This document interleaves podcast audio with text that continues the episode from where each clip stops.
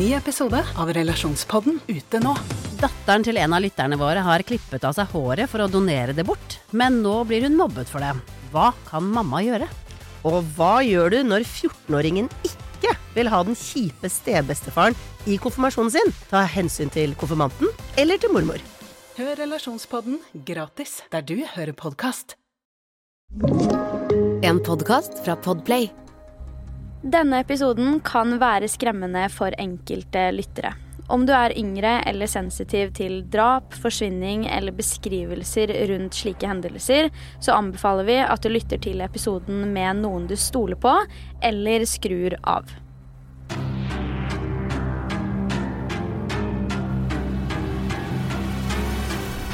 Hei og hjertelig velkommen til en helt ny episode av Forsvinningsfredag podkast. I forrige uke så snakka vi om 17 år gamle Kendrick Johnson, og i denne episoden så sa jeg at den på mange måter kan sammenlignes med saken jeg skal ta for meg i dag, nemlig saken om Kanika Jenkins. Dette er en sak jeg har vært fascinert av så lenge jeg har drevet med true crime, og derfor så er jeg kjempespent på å fortelle nettopp deg om den saken her, og høre dine tanker, meninger og teorier om denne ufattelig mystiske saken. La meg fortelle deg saken om Kanika Jenkins. Så aller først, la oss snakke litt om Kanika selv. Kanika Jenkins var på det aktuelle tidspunktet en 19 år gammel student fra Chicago i Illinois. Hun ble født den 27. mai 1998 i Rosemont, Illinois. Kanika blir beskrevet som en veldig smart og ansvarlig jente, og med et stort smil. Hun var også veldig omtenksom, og fungerte faktisk også som morens forsørger akkurat da hun var under behandling for brystkreft. Moren til Kanika blir mye omtalt i den saken her, så fra nå av kommer jeg til å referere til henne som Teresa eller Teresa Martin, da det er det som er navnet hennes. I tillegg til moren sin så hadde også Kanika en søster, og det er de tre som bodde sammen. Akkurat dette er nok det eneste vi vet om Kanika som person, men det viser jo også at hun visste å ta vare på både seg selv og de rundt seg. Til tross for at Kanika tilsynelatende var en person som sannsynligvis ikke ville tatt noe særlig risiko, og at hun tok ansvarlige valg, så skjedde det noe i 2017 som ikke bare sjokkerte familien hennes, men faktisk også mennesker verden over. La meg forklare. Den 8. september 2017 fortalte Kanika til moren sin at hun skulle dra ut med noen venner for å feire at hun hadde fått seg jobb på et sykehjem.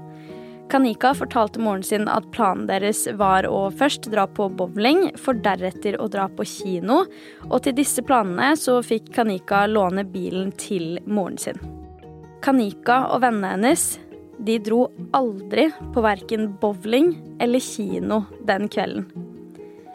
Kanika dro faktisk ikke hjemmefra før klokka var 11 på kvelden, og videoovervåkning har plukka opp at Kanika og vennene hennes ankommer det lokale Crown Plaza-hotellet rundt klokka ett den aktuelle natta. Her skulle de heller være med å feire bursdagen til en venn i stedet for bowling og kino. Så foreløpig så høres jo ikke det her så veldig uvanlig ut. Kanika løy til moren sin om hvor hun skulle, og det er jo ikke akkurat det mest uvanlige man hører om. Men etter hvert tar historien en helt annen vending og blir til det som er mange mødres verste mareritt. Tilbake til hotellet. Som sagt ankom jentene hotellet ca. klokka ett denne natta, og på veien plukka de opp en Bluetooth-høyttaler, en flaske Hennessy konjakk, noe energidrikke og marihuana. Siden det her var i 2017, så var også vennene til Kanika mye å se på sosiale medier. Og denne kvelden så filma de litt her og der, og de videoene har faktisk florert litt på sosiale medier i ettertid i forbindelse med hendelsen som skjedde den kvelden. I disse videoene filmer venninnene til Kanika til bl.a. Snapchat, men det er ganske åpenbart at ingen av dem er særlig glade. Visstnok hadde guttene som var der, flørta veldig mye med jentene, selv etter de ba dem om å gi seg. Dette resulterer i at Kanika sender en melding til søsteren sin allerede en halvtime etter de har kommet, altså da ca. halv to på natta. Men akkurat hva som sto i den meldingen, har ikke blitt offentliggjort, så vi vet ikke om den meldingen egentlig har noen betydning for saken. Litt senere så dukker det opp en beskjed for jentenes bekjente på Facebook. En av jentene Kanika var med på denne festen, gikk nå live og sitter der med solbriller på mens hun snakker til kamera. I bakgrunnen så kan man se Kanika sitte der. Klokka blir ca. 02.17 da Kanika selv poster en video på Snapchat hvor hun er på badet på et hotellrom. Ifølge vennene hennes så var det rundt 30 mennesker på denne festen, og Kanika brukte tiden de var der på å snakke med folk, danse og kose seg, så det er åpenbart i forklaringene til jentene at stemninga etter hvert ble god, selv om den ikke starta sånn. En annen festdeltaker forteller imidlertid at Kanika ikke oppførte seg som sitt vanlige seg den kvelden. Vedkommende forklarer at Kanika hadde et mønster, hvor hun da kunne danse og kose seg litt, for deretter å sette seg ned og se veldig lei seg ut. Dette skjedde visstnok flere ganger. Klokka er rundt tre på natta da Kanika og vennene hennes bestemmer seg for å forlate festen. De alle har da gått ned i lobbyen, og det er nå Kanika finner ut at hun har glemt noen av tingene sine, deriblant telefonen sin. Vennene lar da Kanika gå opp igjen for å hente tingene sine. Akkurat her så spriker også forklaringene lite grann. For det er nemlig noen kilder som forklarer at venninnene til Kanika forlot henne allerede nede i lobbyen, mens andre forklarer at de forlot henne oppe i gangen i niende etasje, som da er etasjen der festen foregikk. Uansett hvor de forlot henne, så var de uansett borte fra Kanika i 10-20 minutter. Og da de kom tilbake til der de forlot henne, så var Kanika allerede borte. Da de kom tilbake og innså dette her, så begynte de umiddelbart å lete, og brukte lang tid på nettopp det. Kanika var ingen steder å finne, så det neste steget nå var å ringe Kanikas mor, nemlig Teresa, for å forklare at datteren hennes er borte. Dette skjer en gang mellom fire og halv fem på natta, og egentlig så begynte denne samtalen spørrende fra jentenes side, da de i utgangspunktet lurte på om Kanika kanskje kunne ha dratt hjem uten dem. Moren forteller da at Kanika ikke har kommet hjem, og det gjør at jentene kjører til Teresa og plukker henne opp for å ta henne med tilbake til hotellet. Det sies at Teresa ikke trodde på historien jentene fortalte henne, og har visstnok sagt at det var noe som ikke stemte helt. Teresa hadde også spurt jentene hvor mye Kanika hadde drukket den kvelden, og vennene sa at hun bare hadde tatt én drink. Teresa forklarer at datteren hennes ikke håndterte alkohol særlig bra, så hun kunne tro på at én drink kunne være mer enn nok for henne. En av festdeltakerne har imidlertid forklart at Kanika svaiet veldig frem og tilbake, og hadde unormal oppførsel til henne å være. Velkommen til Kjemperådet! Yes. Denne gangen har vi fått inn et kjempedilemma fra en familie. Okay. Jeg leser Hei, vi er litt uenige i familien her. Mm. Hvis du skulle vært et dyr, ville du hatt gjeller eller vinger? Oi, den er tricky. Ja, Hva ville dere hatt, da? Altså, jeg vet ikke, men Med familierabatt får de ubegrenset data fra Telenor fra 399 kroner. Da kan de jo scrolle seg til svaret, rett og slett. Ja, ok, Men for min del Ja. gjeller. Nei, nei, Nei. nei, vinger. Nei, nei, gjeller. Ja, okay, ja, Kjempebra. Men eh, se nye mobilabonnement på telenor.no, da. Et godt råd fra Apotek 1. Når du skal kose deg i solen, er det viktig med god solbeskyttelse. Hodeplagg og skygge hjelper, men vi trenger også solkrem. Vi har ansiktssolkremer tilpasset ulike hudtyper. Har du f.eks. tørr, fet eller normal og kombinert hud, finner du solkremer spesielt tilpasset deg og ditt behov. Kom innom og få råd på ditt nærmeste Apotek 1, eller chat med oss på apotek1.no. Apotek 1. Vår kunnskap, din trygghet. Uansett, da Teresa ankommer hotellet, tar hun saken i egne hender og banker på en haug av dører for å få tak i noen som kanskje kan ha sett datteren hennes.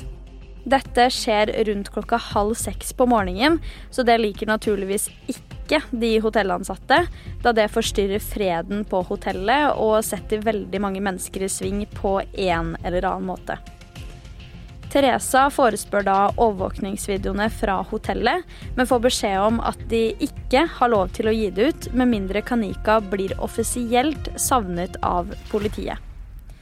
Det er da Teresa bestemmer seg for å ringe til politiet, og klokka er ca. syv på morgenen. Jeg har funnet denne 911-samtalen, så hør på dette.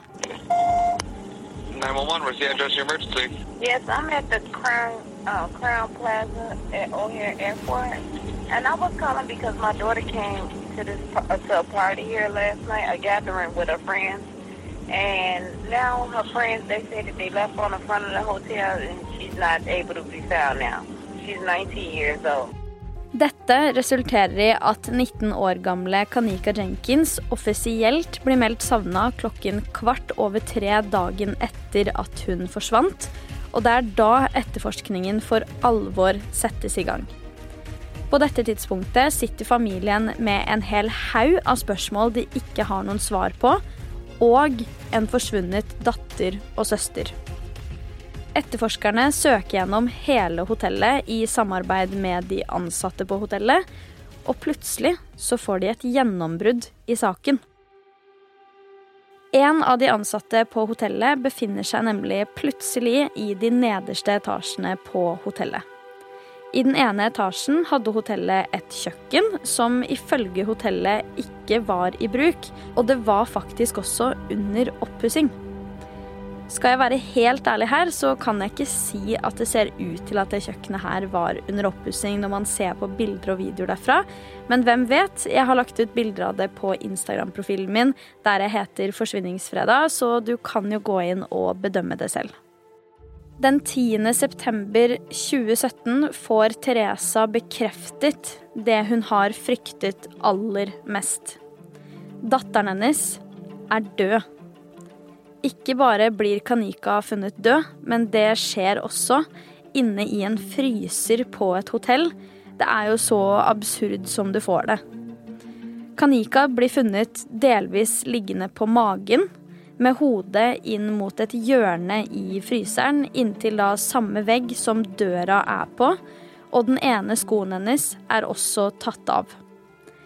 Inne i fryseren finner politiet to lipglosser, hvor den ene angivelig skal ha vært venninna hennes sin. Men det er ingen tegn til vold eller lignende, annet enn et kutt hun har fått på foten.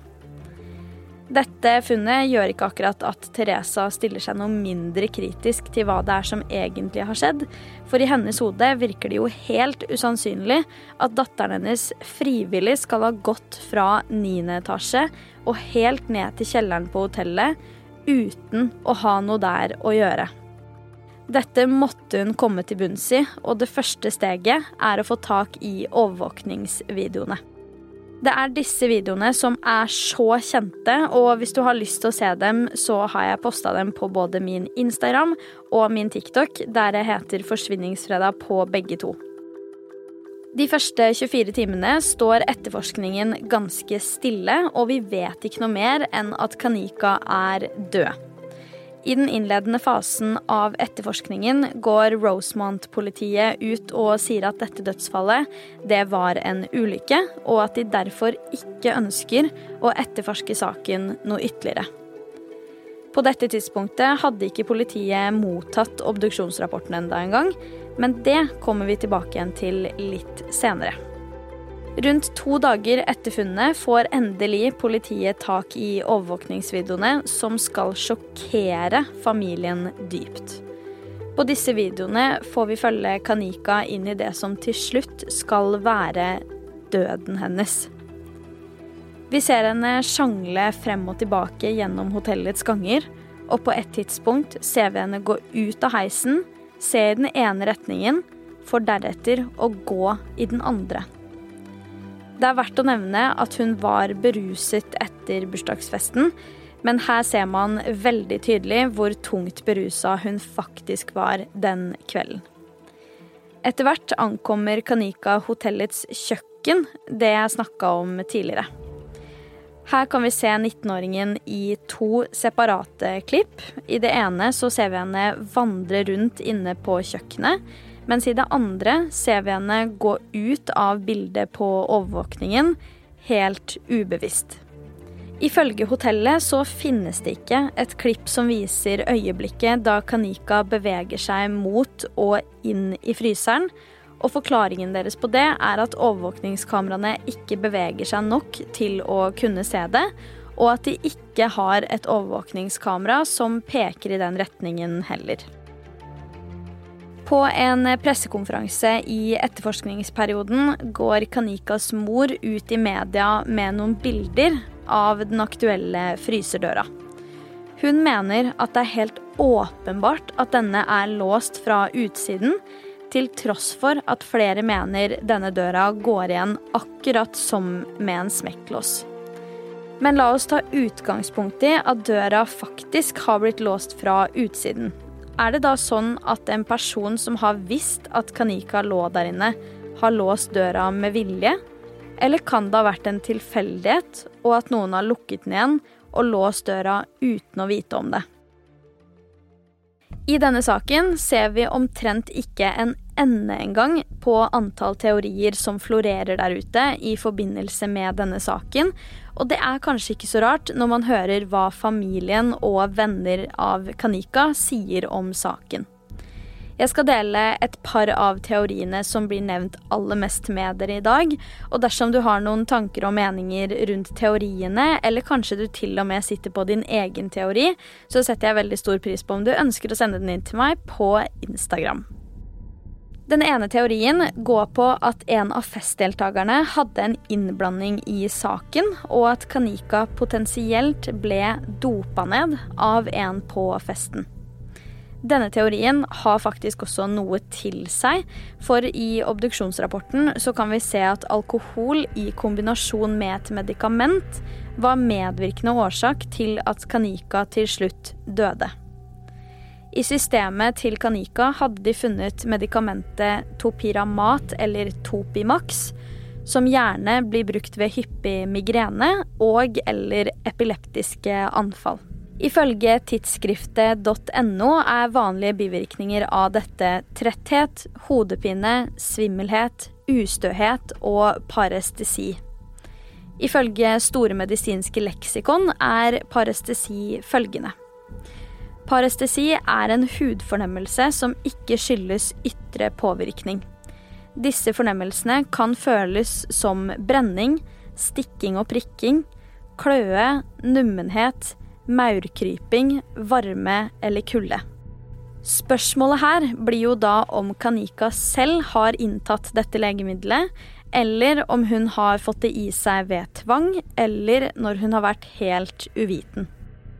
Teresa mente at dette medikamentet ikke var noe Kanika selv hadde pleid å ta. Obduksjonsrapporten viser oss i hvert fall også at Kanika døde av hypotermi, som da har skjedd i fryseren.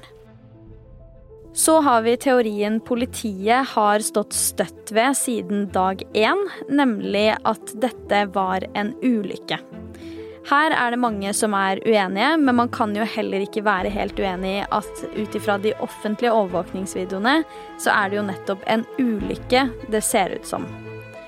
Saken til Kanika er også offisielt avskrevet som en ulykke, og politiet mener at Kanika har gått inn i fryseren på egen hånd, og så har døra lukka seg mens hun var der, slik at hun ikke har klart å komme seg ut igjen.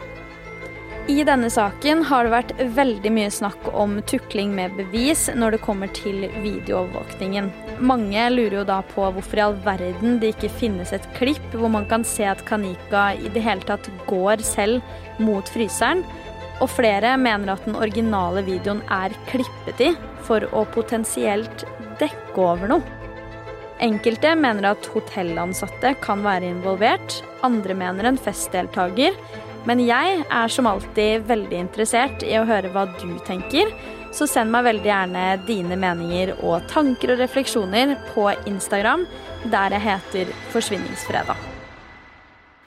Uansett hva som skjedde med Kanika Jenkins, så er det helt ufattelig trist at noe sånt som det her kan skje på et hotell, og mens hun egentlig var med sine egne nærmeste.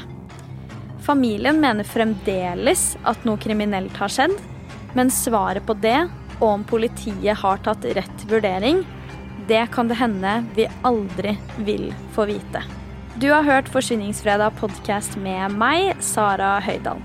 Tusen takk for at du har lytta til episoden. Vi er tilbake med en helt ny en allerede neste fredag.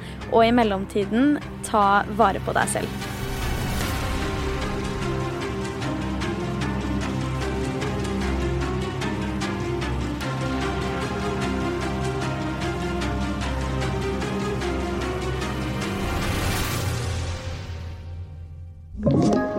Du har hørt en podkast fra Podplay. En enklere måte å høre podkast på. Last ned appen Podplay eller se podplay.no.